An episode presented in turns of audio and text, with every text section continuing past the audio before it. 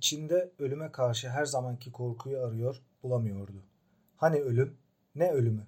Hiç korku yoktu. Çünkü ölüm de yoktu. Ölüm yerine ışık vardı. Ivan İlyich birdenbire yüksek sesle demek böyleymiş dedi. Ne mutluluk. Bütün bunlar onun için bir anda oluverdi ve bu anın anlamı artık değişmedi. Orada bulunanlara göre onun can çekişmesi daha kaç saat sürdü. Göğsünde bir şeyler hırıldıyordu. Bitkin vücudu titremeler içinde sarsılıyordu. Sonra hırıltılar, horultular gitgide seyrekleşti. Birisi üzerine eğilerek bitti dedi. Ivan İlyich bunu duydu. İçinden tekrarladı. Kendi kendine ölüm bitti dedi. O artık yok. Derin bir soluk aldı. Bu soluk alış yarıda kaldı. Ivan İlyich boylu boyunca uzandı ve öldü.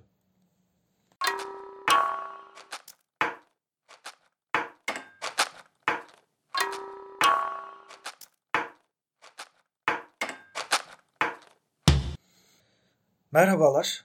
Bu bölümde Tolstoy'un Ivan İlyiç'in Ölümü isimli kitabını inceleyeceğiz. Tolstoy çelişkiler içerisinde bir hayata sahip bir yazar. Zengin bir aileye sahip fakat inandığı değerler bu yaşam biçimine aykırı. Ömrünün sonuna doğru da zaten bu çelişkiler sebebiyle evini terk ediyor ve bir tren istasyonunda hayatını kaybediyor. Kitap Ivan İlyiç'in ölüm döşeğinde yaşadıklarını, aklından geçenleri, düşüncelerini, kendisiyle hesaplaşmasını anlatıyor. Etrafındakileri inceliyor. Bu kitabı biraz daha farklı bir bakışla incelemek istiyorum. Kariyer başlığı insanoğlu için son 50 yıldır bir sorun konusu olmuş. 20. yüzyılın başında bile insanların kariyer gibi bir sorunu yoktu.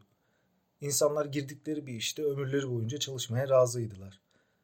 Çünkü tüm dünyada savaşlar, salgın hastalıklar o kadar yaygındı ki herhangi bir yerde çalışıp para kazanmanın zaten kendisi bir başarıydı. Tek bir işçi maaşıyla geçinmek gayet normaldi. Olağandı. Geri kalan tüm hırslar ve talepler gerçekçi değildi. Yeterince gerçekçi değildi. Çalıştığı yerde aynı zamanda mutlu olmak, yaptığı işten tatmin olmak gibi şeyler son 50 yılın konusu. Hatta daha da yakın son 20-30 yılın konusu. Tabii bugün hala dünyanın farklı bölgelerinde bu durum halen geçerlidir. Fakat bizim bizim odak noktamız Avrupa veya Amerika gibi gelişmiş veya gelişmekte olan ülkeler olduğu için bireyin kariyer gibi derdin olması artan refah düzeyiyle ortaya çıkan çok çok yeni bir durum. Peki insan neden kariyer konusunu kendine dert edinir? Yani sebep nedir? Para mı veya makam ve mevki mi? Asıl sorun paraysa yani kariyer ilerledikçe kazanılan para artar düşüncesiyle hareket ediliyorsa kariyer geçici bir derttir. Çünkü er ya da geç yeteri kadar çalışırsa o para kazanılır. Asıl sorun makam veya mevki ise yine aynı şey geçerli. Yeteri kadar deneyim ile istenilen makama gelmek sadece zaman meselesidir. Doğru yerde doğru şeyi yapmak meselesidir yani. Tabii bu söylediklerim hani ideal durum için geçerli. Yani kayırmacılığın olmadığı, meritokrasinin geçerli olduğu ülkelerde geçerli. Ivan İliç'te ise her ikisi de var illaki. Her ikisi de var. Fakat derinlerde daha farklı bir değişken var bence. Yani denklemden parayı ve makam ve mevkiyi çıkardığımızda kariyer konusu hala bir sorun olarak karşımıza çıkıyor. Daha açık olmak için şöyle bir soru sorayım. Örneğin eğer 1 milyar dolarınız olsaydı bu hayatı nasıl yaşardınız? 1 milyar dolar dememin sebebi çoğu insan için hani bu miktarda bir paranın aslında sonsuz paraya denk bir miktar olması.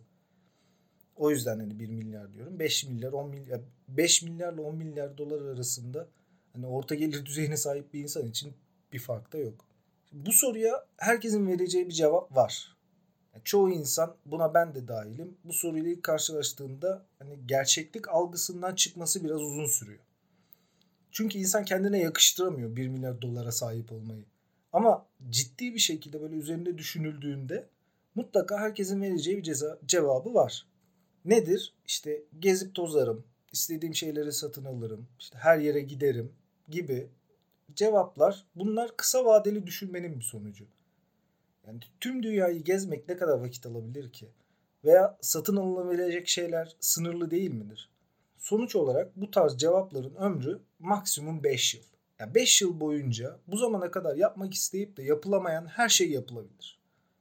5 yılın sonunda yine hala sonsuz miktarda paranız olsa ne olacak?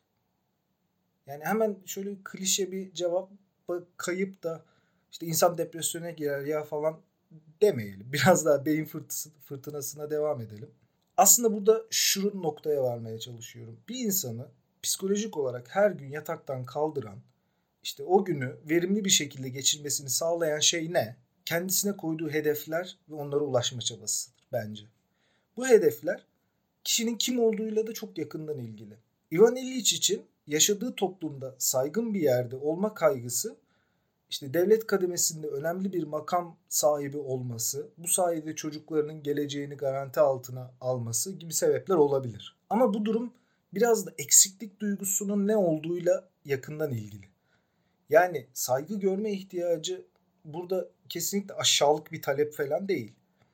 Ama burada değinmek istediğim bu duruma gelmek için neyin gerçekleşmesi gerekiyor? O şeyin ismi başarı. İnsanlar başarılı insanlara saygı duyar. Hepimiz. Özellikle de kendi emeğiyle, kendi çabasıyla bir şeyler başarmış insanlara saygı duyulur. Bu da çok insani bir duygu, insani bir refleks. Bu yüzden örneğin sıfırdan başlayıp da başarılı olmuş insanların hikayesi bize hep çekici gelir.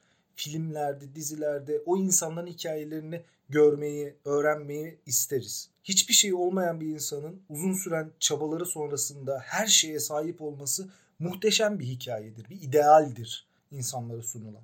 Peki başarılı olmak nasıl bir duygu? Başarılı olmak insana ne hissettiriyor? Şimdi herkes mutlaka hayatı boyunca bir şeylerde başarılı olmuştur. Nedir? Belki çocukken yaptığınız bir resim sınıfın en güzel resmiydi. Belki lisede en güzel kızla siz birlikteydiniz. Belki üniversitede bir şeyler yaptınız, çok başarılı oldunuz veya ne bileyim işte halı sahada muhteşem bir gol attınız. Bu da bir başarı kriteridir. Neyse. Sonuç olarak 20 ila 30 yaş aralığında olan herkes mutlaka hayatı boyunca en azından birkaç kez başarılı olmuştur. Şuraya gelmeye çalışıyorum. Hani ana fikri burada aslında söylemek istediklerimin. O başarılı olmuş olmanın verdiği o haz var ya, o için içine sığmaması, o kazanmış olma hissi. İşte tüm bunların sebebi o. Ivan İllich'in de hayatı boyunca para ve makam mevki peşinde hayatını harap etmesi bu şekilde okumak mümkün. Salt makam hırsı, salt para peşinde koşmak insanı sadece belli bir süre tatmin eder. Ama başarılı olmanın verdiği o hazza olan o bağımlılık var ya o his insanı ömrü boyunca o hazzı tekrar yaşamak için kendini parçalamasının sebebi işte bu. Aksi halde ya bugün tanıdığınız dünyanın o en zengin insanları işte Warren Buffett veya Bill Gates gibi neden hala çalışmaya devam etsinler? Neden hala bir şeyler için uğraşsınlar ki? Servetlerini korumak için mi? Bunu yapan zaten kendi çalışanları var. O çalışanlar zaten o saydığım insanların servetlerini arttırmak, hiç arttıramıyorsa da korumak için varlar. Neden o zaman o insanlar depresyona girmiyor? Neden halen bir şeyler için çabalamaya devam ediyorlar? Çünkü başarılı olma ihtiyacı işte böyle bir şey. Bağımlılığı olan bir şey. Ivan Illich için de aynı şey geçerli. Ivan Illich de en başından beri başarılı olmanın o hazzını dibine kadar yaşadığı için buna devam etti. Bunun için de ölene kadar buna bağlı kaldı. Dolayısıyla hayatın en son anında o muhasebesini yapmaya başladığında zararlı çıktığını düşündüğü için pişmanlığını da dibine kadar yaşadı.